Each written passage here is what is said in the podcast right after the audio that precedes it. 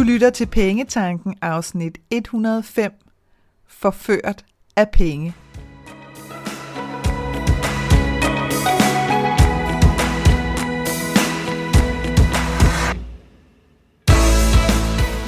Velkommen til Pengetanken. Jeg hedder Karina Svensen. Jeg fokuserer på hverdagsøkonomi med et livsfokus. Når du forstår dine følelser for dine penge og dine tankemønstre omkring din økonomi, så har du direkte adgang til det liv, som du ønsker at leve. Lad os komme i gang. Man kan ikke købe alt for penge. Eller kan man? Vi vil så gerne se os selv som mennesker med integritet, som ikke vil gøre hvad som helst for penge. Men hvad sker der egentlig med os, når tilbud bliver til virkelighed? I 1993 der kom filmen Indecent Proposal med Demi Moore og Woody Harrelson og Robert Redford, som leger med lige præcis det emne. En film, som jeg for øvrigt varmt kan anbefale. Den er noget mere sober øh, og faktisk øh, virkelig interessant lige præcis omkring det her emne med, kan man købe alt for penge? Øh, øh, I forhold til, hvad plakater og lignende måske kunne fremstille den som. Så hvis ikke du har set den, så kan jeg varmt, varmt anbefale dig den. I dagens afsnit, der bringer jeg emnet her ind i vores hverdag, og deler også nogle af mine egne erfaringer, hvor penge har spillet en afgørende rolle for mine beslutninger. Som sagt, så er filmen Indecent Proposal et ret godt eksempel på, hvordan at vi kan gå fra at afvise noget, der først virker sådan helt udelukket, nærmest grotesk, til at overveje, og så rent faktisk end op med at sige ja, rent faktisk end op med at gøre det, fordi at vi får overbevist os selv om, at det er okay. Vi kan nå helt derover til, hvor vi kan få overbevist os selv om, at det nærmest er skørt at sige nej. Hvis ikke du har set filmen, så lad mig bare lige kort ridse scenariet op her. Robert Redford spiller milliardæren John, og jeg blev egentlig nysgerrig, fordi jeg tænkte, hvor mange millioner skal der egentlig til, før man har bare en enkelt milliard? Og der skal 1000 millioner til. Jeg var i tvivl lige kortvarigt, men 1000 millioner, altså det er ret mange penge. Men John her, han er altså milliardær. Demi Moore spiller kvinden Diana, som er gift med David. Og Woody Harrelson er jo så manden David, som er gift med Diana, spillet af Demi Moore. Og hvis man lige skal, skal bare lige sådan rise et, et lidt længere optræk, øh, sådan meget kort op her, så gælder der øh, det, at John ender op med at tilbyde 1 million dollars til David og Diana for en nat med Diana. Og først så afslår både Diana og David. Men da John insisterer på, at det er et virkeligt tilbud, at det ikke bare er sådan et tænkt eksempel, så begynder overvejelserne hos både Diana og David. Og som David siger, eller som Diana siger til David på et tidspunkt i filmen, tænk på, hvad de penge kunne gøre for os. Og lige der, lige præcis der i det øjeblik, der er det, at vi bliver fanget i fremtiden.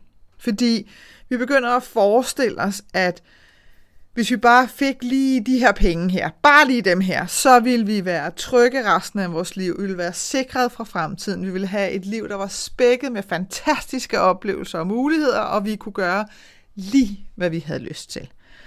Og pludselig, så er det som om, at alt andet end et ja virker skørt. Og lige der, vupti, så er vi gået fra noget, som vi overhovedet ikke havde lyst til. I det her tilfælde var det Diana, der, altså det er jo prostitution, kan man sige. Hun bliver tilbudt en million dollars for en nat, og her der menes der en nat gå i seng med John. Det er ikke bare en nat, hvor vi sidder og snakker sammen, og så er det slut med det. Øh, så, så hun går altså fra at få lavet det her tilbud, til at sige ja tak, fordi at hun sammen med David begynder at argumentere sig frem til noget, som forekommer fornuftigt. Men udfordringen er, at når vi laver det switch, altså når vi går så meget imod, hvad vi egentlig har lyst til, så er det, at vores integritet lider. Jeg har nærmest lyst til at sige, at vores sjæl lider, fordi vi brager simpelthen igennem muren, hvor der bare står et meget stort, fedt nej, don't do it. Og det gør vi, fordi at vi bruger argumenter. Udfordringen er nu, at når vi har sagt ja, og vi har gennemført, så står vi nu med den følelse af, at vi rent faktisk kan købes for penge, hvis bare beløbet er stort nok. Og det kan være umådeligt svært at se sig selv i spejlet. Og det er, jeg har nærmest lyst til at sidestille det med, hvis du har et skænderi med en, du virkelig holder af. Så kan man komme til at sige nogle ting i, i sådan øh, op hisselsens øjeblik over, at man er vred eller alt muligt andet, og så når man ligesom er ude af den, så kan man godt sige undskyld til hinanden. Men udfordringen er bare, at ordene er der, og de er sagt, og de forsvinder ikke. Og det ved vi også, hvis vi tænker tilbage øh, på, da vi var yngre. Altså nogle af de ting, som vi har fået at vide, specielt hvis det har været fra folk, vi holder af, enten af vores forældre eller familiemedlemmer på anden måde, eller tætteste venner og veninder. Hvis nogle af dem har sagt noget, som har såret os, så er det som regel noget, de fleste mennesker stadigvæk kan huske. Og det er som regel også noget, som som, som virkelig har efterladt sådan et ar på sjælen hos os, fordi at, øh, at det er sagt, og det er derude. Og det samme sker, når vi træffer de her beslutninger, hvor at vi alene lader pengene sejre. Fordi når først at du er gået hele vejen, så er der jo ikke nogen vej tilbage. Nu har du gjort det, og det skal du leve med resten af dit liv. Det er jo ikke ens betydende med, at vi ikke kan tilgive os for de beslutninger, som, som vi har truffet, hvor vi har gjort lige præcis det. Jeg kommer til at dele nogle med dig her senere i afsnittet. Så det er jo ikke, fordi vi ikke kan tilgive os selv, men det er stadigvæk med os. Øh, og det vil stadigvæk være en del af os. Og lige der, der bliver pengene, uanset summen, fuldstændig ubetydelig og værdiløs. Altså der er simpelthen ikke nogen penge, der kan opveje den negative følelse, du får, og du vil have med dig længe, når det er, at, at du får sagt ja til nogle af de her tilbud, der måtte komme din vej, selvom at alt inde i dig strider i modsat retning. Og, og jeg har også en lyst til at sammenligne det med, og det, og det kan godt være, at den er lidt hård, den her, men, men jeg tillader mig at gøre det, fordi at det er så tydeligt i denne her situation, at hvis, hvis enten du eller en af dine øh, nærmeste får stillet en meget alvorlig og måske ovenikøbet dødelig diagnose, øh, som, som I nu indstiller jer på, så lige der, i det sekund, der bliver penge fuldstændig ligegyldige. Altså det er, det er irrelevant. Nu er det livet, det gælder. Øh, det er det, der tæller, og det bliver lige pludselig det absolut mest værdifulde. Nu er det fløjtende ligegyldigt, hvor meget du har stående på din pensionsordning, hvis du har sådan en, om du har noget stående i banken eller ej, om du har penge til at betale øh, huslån næste gang. Alt lige der bliver fløjtende lige meget. Og jeg har selv prøvet at stå i sådan en situation, hvor en af mine nærmeste fik en... Øh, øh, eller ikke engang fik en diagnose, fordi det var faktisk det, vi ledte efter, øh, i omkring en uges tid. Og i den uge, den uge står stadigvæk for mig som sådan en alt andet end og sørge for, at vedkommende havde det godt, så godt som overhovedet muligt, og at lærerne fandt ud af, hvad filerne ad, der foregår. Det var ubetinget det vigtigste. Pengene var fuldstændig irrelevante. Altså, jeg var fløjtende ligeglad, om jeg blev fyret fra mit arbejde. Det gjorde jeg ikke, jeg havde en fantastisk chef, men hvis det var sket, havde det været fløjtende ligegyldigt på det tidspunkt. Alt var ligegyldigt, end at få sat ind på, at at nu sker der altså noget meget, meget alvorligt her, og det er simpelthen det, der er det absolut vigtigste og mest værdifulde at koncentrere sig om lige nu. Så det er altså noget at have i baghovedet nogle af de her situationer, som vi kan sammenligne det med, hvis det er, at vi har brug for ligesom et anker til at, øh, at holde os selv fast, når det er, at, øh, at vi er ude på nogle af de her sådan lidt, øh, hvad skal man sige, lidt gyngende grunde, hvor at vi står sådan og tænker, ah, det er altså også mange penge, og hvad nu hvis, og man kunne jo også, og så videre, og så videre. Fordi i det øjeblik, så er det jo som om, at de her sådan forførende penge, de nærmest ender op med, på en eller anden måde, så bliver det sådan det her fix, som aldrig giver os alt. Det, som vi ligesom havde siddet og håbet på, fordi det kan penge ikke gøre. Penge i sig selv er på den måde værdiløse. Vi bliver forført af forestillingen om, hvad pengene kan gøre for os. Og så får vi bildet os selv ind, at vi pludselig nærmest ikke kan leve uden, at vores liv bliver mindre værd, hvis ikke vi gør det. Altså det er nærmest som om, at vi vender os om og kigger på det liv, vi har lige nu, øh, specielt hvis vi har brugt noget tid på at argumentere os over på ja-siden i forhold til, hvad det nu engang er for et tilbud, du må sidde med, altså så kan det nærmest virke som om, når vi kigger på vores nuværende liv, så, åh, oh, det, det kan jeg slet ikke, jeg kan jo ikke engang fortsætte med at leve sådan her, fordi nu er vi gået så meget ud i fremtiden og ind i fremtiden, at nu kan det nærmest ikke være på nogen anden måde, end bare at sige ja. Øhm, og, og som jeg sagde øh, tidligere her, så, øh, så vil jeg godt dele nogle af mine egne erfaringer, både på den ene og den anden side, fordi at det virkelig har gjort en meget, meget stor forskel for mig i forhold til, hvordan jeg opfatter penge, men i høj grad også, hvordan jeg indretter min økonomi, og hvordan at jeg træffer mine beslutninger. Personligt så har jeg flere gange sagt ja til jobs eller opgaver, som jeg fra starten kunne mærke, at jeg absolut skulle sige nej til. Jeg har følt mig panisk efter en indtægt, og det har været, den, øh, det har været sådan en, en af de der argumenter, som virkelig kan slå igennem. Ikke? Det her med, at jeg er nødt til at tjene nogle penge, fordi jeg har nogle udgifter, der skal betales. Øh, og, og det er der, hvor vi får tunnelsyn og tror, at det tilbud, vi står og kigger på, det er det eneste, der eksisterer i hele verden. Og det kan godt være, at der har været en periode op til, hvor at, at vi har følt, at der har været dødvand, og der ikke er sket noget, og ingen har reageret, og man har prøvet alt muligt, og nu kommer der endelig den her sådan gyldne øh, mulighed. Øh, og så føler vi os nærmest forpligtet til at slå til, fordi det måske er noget af det første, der er sket i lang tid, osv. osv. Det er nogle af de her virkelig hæftige argumenter, som kan gøre, at, øh, at det kræver mere end en god tur, og lige sådan få pulsen ned igen og få sagt, jo jo, men det føles meget, meget, meget forkert, så derfor burde du ikke gøre det. Men der har jeg stået, og jeg har sagt ja. Øh, jeg har følt, at, øh, at det vil være smart, fordi så havde jeg penge til, til de næste projekter, jeg gerne vil føde i livet, og så blev det min argumentation for at sige ja. Jeg har sågar taget 20 kilo på på et år, øh, hvilket var ret vildt i virkeligheden, øh, sådan set i tilbageblikkets ulidelige lys, ved at sige ja til en opgave. Og min forklaring på det tidspunkt, hvilket reelt set også var rigtigt, det var, at, at der var så absurd, altså det var så absurd en arbejdsmængde, øh, som stod på, så, så takeaway blev ligesom en del af, øh, af sådan nærmest opgaven.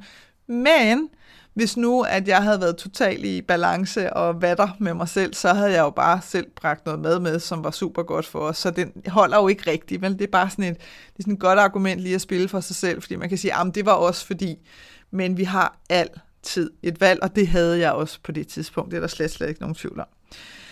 Jeg har også sagt nej til penge. Jeg kan huske på et tidspunkt, at jeg sagde nej til en bonus, en bonus på flere hundrede tusind, fordi det bare, jeg var videre Altså, ja, det krævede, at jeg skulle sige ja til nogle ting, og jeg skulle sige nej til nogle ting, som jeg hverken havde lyst til at sige eller nej til, og derfor så sagde jeg nej til bonusen. Jeg har forladt jobs, øh, fordi jeg blev bedt om at gøre noget, som strid imod alt det, jeg havde arbejdet for. Jeg har skiftet branche og gået mange tusind kroner ned i løn. Så jeg har også prøvet det modsatte, altså at stå med nogle øh, forførende tilbud, og så sige nej. Og jeg kan bare sige, uden undtagelse, har det altid betydet større omkostninger at gå imod, hvad der var rigtigt for mig, end ved at lytte til, hvad der var rigtigt for mig. Hver evig eneste gang, at jeg er gået med min intuition, så har der været store oplevelser – og det har føltes øh, spændende og eventyrligt samtidig med, og det er vigtigt at sige, at det absolut også har krævet rigtig meget arbejde. Så det er altså ikke sådan noget, øh, Øh, det er ikke altid sådan, og det er der, hvor vi også godt kan blive lidt forført. Øh, det er at tro, at hvis vi går med vores intuition, så, så får vi sådan øh, automatiske nærmest øh, fevinger, og så dimler vi bare derud af i al lethed, og alt føles fuldstændig let og ubesværet, og, øh, og det kører bare, og jeg skal nærmest ikke gøre noget. Det har i hvert fald ikke været, det har i hvert fald ikke været min oplevelse. Men det, som måske på papiret, kan man sige, har, har virket som om, wow, du arbejder også helt vildt meget, og det er jo selvfølgelig også noget af det, som folk har sagt til mig, så har det fra min side været øh, fantastisk og kreativt og super spændende. Så på den måde har det ikke føltes som om, at wow, det er også mange timer.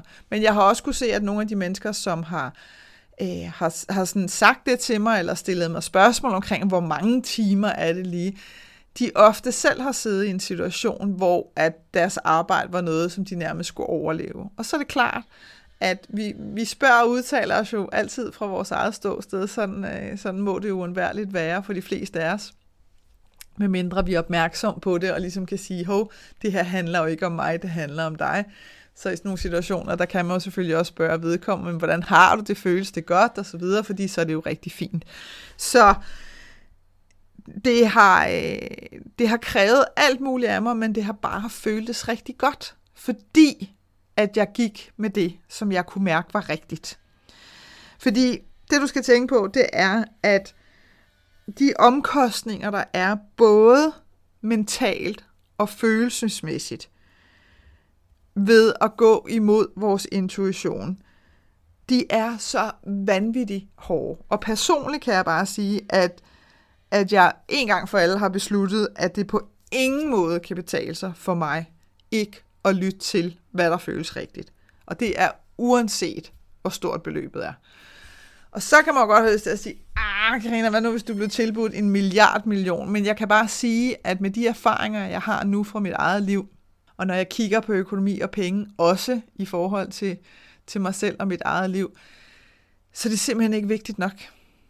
Det er simpelthen ikke vigtigt nok i forhold til de omkostninger, der er ved at, at give afkald på mig selv, fordi det er rent faktisk sådan, det føles. Det føles som om, at jeg nærmest hugger armene og benene af mig selv for at sige, sige ja til penge. Og penge alene igen, det, det, er, en, altså det er et handelsmiddel. Så, så det er ikke pengene i sig selv, det er de forestillinger, vi har omkring de her penge. Det er det, som gør os så pokkers forvirret, når det er, det kommer til at skal træffe de her beslutninger.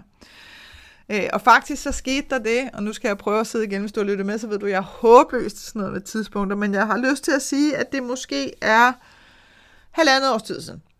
Der kan jeg huske, at jeg var ude at gå en, øh, en tur i skoven, og så havde jeg selvfølgelig sådan et behov for, spørg mig ikke hvorfor, men jeg følte et behov for at sige højt, og jeg havde tjekket, om der var andre i nærheden, bare fordi der er ikke nogen grund til at forskrække andre mennesker. Øhm, men, men hvor jeg ligesom sådan sagde, okay, jeg er villig til at gøre alt, hvad der kræves, for at jeg kan fortsætte med den her mission, jeg har kastet mig ud i, med at give dig og alle andre, der måtte øh, lytte med her, en mulighed for at se på sine penge og sin økonomi på en ny måde i forhold til det, vi har lært igennem rigtig, rigtig lang tid. Og når jeg siger alt, så kan man sige, ah, er vi så ikke også ude i at noget prostitution igen? Men der, hvor forskellen ligger i det for mig, det er, at for det første, så vil jeg aldrig sige ja til noget, som føltes forkert. No matter what. Fordi jeg vil stole på, at så vil der komme noget andet. Så vil der komme nogle andre tilbud. Men jeg går heller ikke og zoomer så meget ind på, hvordan at det her skal kunne lade sig gøre. Så hvis jeg får et tilbud om en opgave, eller et arbejde, eller lignende, så kan du godt være, at jeg først lige tænker tanken og tænker, wow, det havde jeg sådan set ikke forestillet mig, at jeg skulle bruge tid på.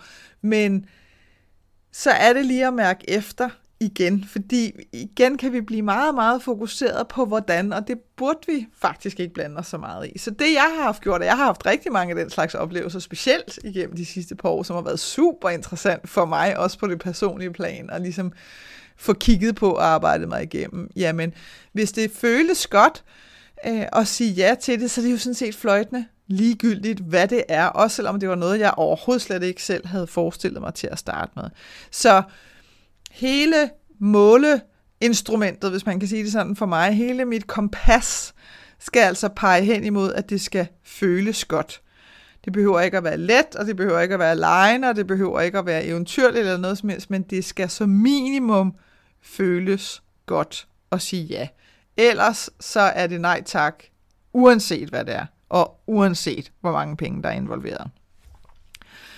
Og jeg vil bare sige til dig, at igen personligt, så har jeg oplevet masser af gange, at mine oplevelser eller omgivelser har synes, at, at det var helt skørt, når jeg sagde nej til noget.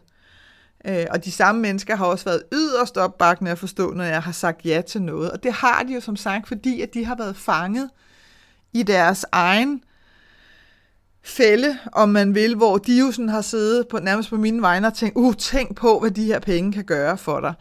Øhm, og, og, og igen, så er det jo derudfra, vi svarer. Så her, der ville et rigtig godt spørgsmål have været, tænk på, hvad det vil gøre ved dig. Fordi så havde, så havde svarene for mig været fuldstændig indlysende hver evig eneste gang. Så min varmeste anbefaling til dig, det er, at når du bliver tilbudt penge i form af job eller gaver eller lignende, som kommer med en forpligtelse fra din side, så spørg dig selv, hvad vil det gøre ved dig som menneske, hvis du siger ja tak? Og hvis det føles godt, også i kroppen, og tro mig, I'm not kidding, altså, vi er så vant til at være så super mentale, når det handler om vores økonomi, at vi fuldstændig glemmer, at vi er altså et helt menneske, der rent faktisk også har en krop. Vores hjerne er en ting, men vi har altså også en krop, og tingene er nødt til at hænge sammen, hvis vi skal bare til nærmelsesvis komme over i noget, der virker som en balanceret beslutning. Og det samme handler også om, hvis vi kan mærke i kroppen, uhuhu, total begejstring, og det her vil være fantastisk. Men hvis det så betyder, at vi kaster os ud i sådan en eller anden endeløs gæld, jamen så kan det være fint, at hjernen lige siger, wow, wow, wow, okay, skulle vi prøve at finde en anden løsning at gå ud og låne de der 100.000 på forbrugslån? Kunne vi prøve lige at kigge på, om vi kunne gøre det her på en anden måde? Så det gælder, det gælder om at have begge dele med i spil her, sådan så at det hænger sammen. Vi er bare slet ikke vant til at tage kroppen med i vores økonomiske beslutninger. Og jeg ved også, at, at hvis jeg sagde det her til øh, nogen øh, mennesker i den finansielle sektor, så vil de sidde i himle med øjnene og sådan tænke, what is she talking about? Altså, det handler om kroner og øre og iskolde ben, øh, hårde beregninger og sådan, at det, der er sgu da ikke noget, der hedder krop og følelser og noget som helst, når det handler om penge. Men det er jo så her, hvor jeg er så ganske, ganske uenig. Så varm anbefaling. Spørg dig selv, hvad vil det gøre ved dig som menneske, hvis du siger ja? Og som sagt, hvis det føles godt, så spring ud i det 100%, og så enjoy the ride, my dear. Altså.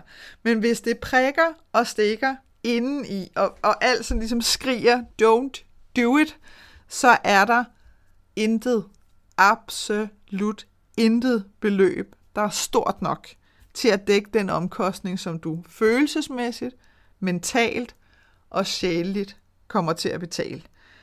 Dit liv er allerede værdifuldt, fordi du er her. Det er der ingen penge, der kan lave om på. Hvis afsnittet her har inspireret dig, så håber jeg, at du har lyst til at være med til at skabe balance ved at støtte podcasten her med 20 kroner om måneden. Det kan du gøre ved at gå ind på min hjemmeside www.kenddinepenge.dk jeg håber, at det her afsnit fra Pengetanken har været med til at inspirere dig til at skabe et liv for dig selv med penge nok til det, som du ønsker dig. Og hvis du tænker, at nu skal der ske noget, så gå ind på min hjemmeside www.kenddinepenge.dk og se, hvad dit næste skridt skal være. Vi høres ved.